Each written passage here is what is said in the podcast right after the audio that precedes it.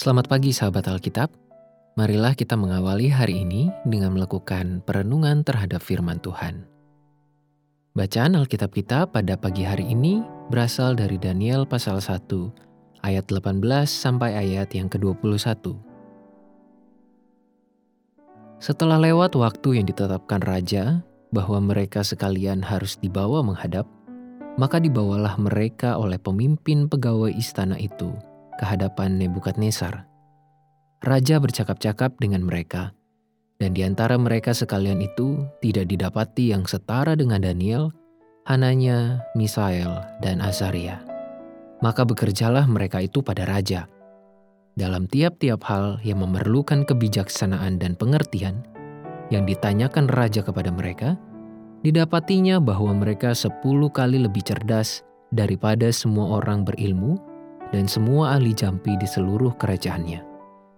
Daniel ada di sana sampai tahun pertama pemerintahan Kores. Kegagalan maupun keberhasilan dalam hidup bukanlah satu-satunya indikator penyertaan Tuhan. Berkat dan penyertaan Tuhan dapat terjadi entah ketika manusia itu mengalami kegagalan maupun keberhasilan dalam hidupnya. Artinya, seorang manusia yang beriman kepada Tuhan pun tetap dapat mengalami kegagalan. Dan itu bukan menandakan ia kehilangan berkat maupun penyertaan dari Tuhan. Hal yang disayangkan adalah umat Tuhan terlalu terpaku pada hasil dibanding proses.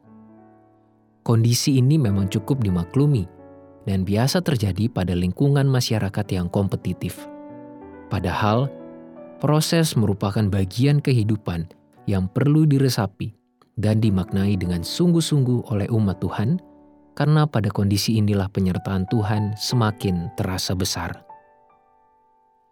Kisah Daniel dan kawan-kawan ketika diperhadapkan dengan Raja Babel menawarkan kepada kita sebuah pengalaman yang lebih penting dibanding hasil. Memang benar, pada ayat 20 kita melihat segala keberhasilan yang mereka dapatkan, bahwa keempatnya adalah orang-orang yang menjadi andalan Raja Nebukadnezar untuk menyelesaikan persoalan-persoalan kerajaan Babel. Namun, kita perlu mengingat bahwa itu semua merupakan hasil dari proses panjang dan komitmen serta keteguhan prinsip beriman mereka dalam menjalani kehidupan. Satu hal penting yang juga perlu kita sadari adalah Daniel, Hananya, Misael, dan Asaria memiliki kesiapan untuk menjalankan tugas tanggung jawabnya sebagai pegawai kerajaan. Kesiapan inilah yang mereka dapatkan setelah melalui proses panjang yang mempersiapkan mereka sebagai pegawai-pegawai kerajaan. Sahabat Alkitab, kegagalan maupun keberhasilan adalah bagian dari proses kehidupan. Setiap orang tentu ingin mendapatkan keberhasilan dan menghindari kegagalan.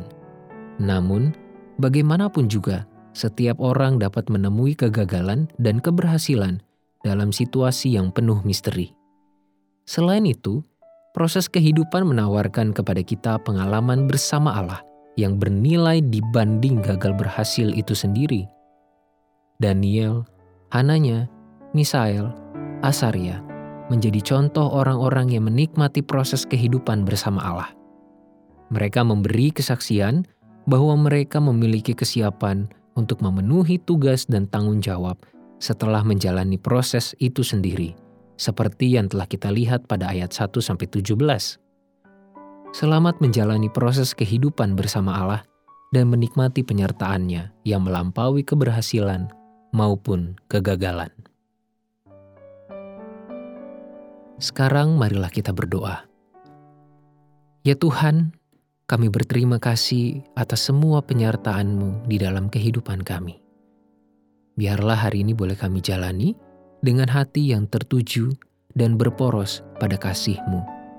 Mampukan kami untuk menjalani hari-hari kami sebagai sebuah proses kehidupan di mana Engkau selalu terlibat dan Engkau tidak pernah meninggalkan kami. Tolonglah kami agar setiap tingkah laku kehidupan kami – menjadi bagian dari pembentukan iman, dan bagaimana kami percaya bahwa hidup kami ada di dalam pemeliharaan Tuhan. Hanya di dalam nama Tuhan Yesus Kristus kami berdoa dan memohon. Amin.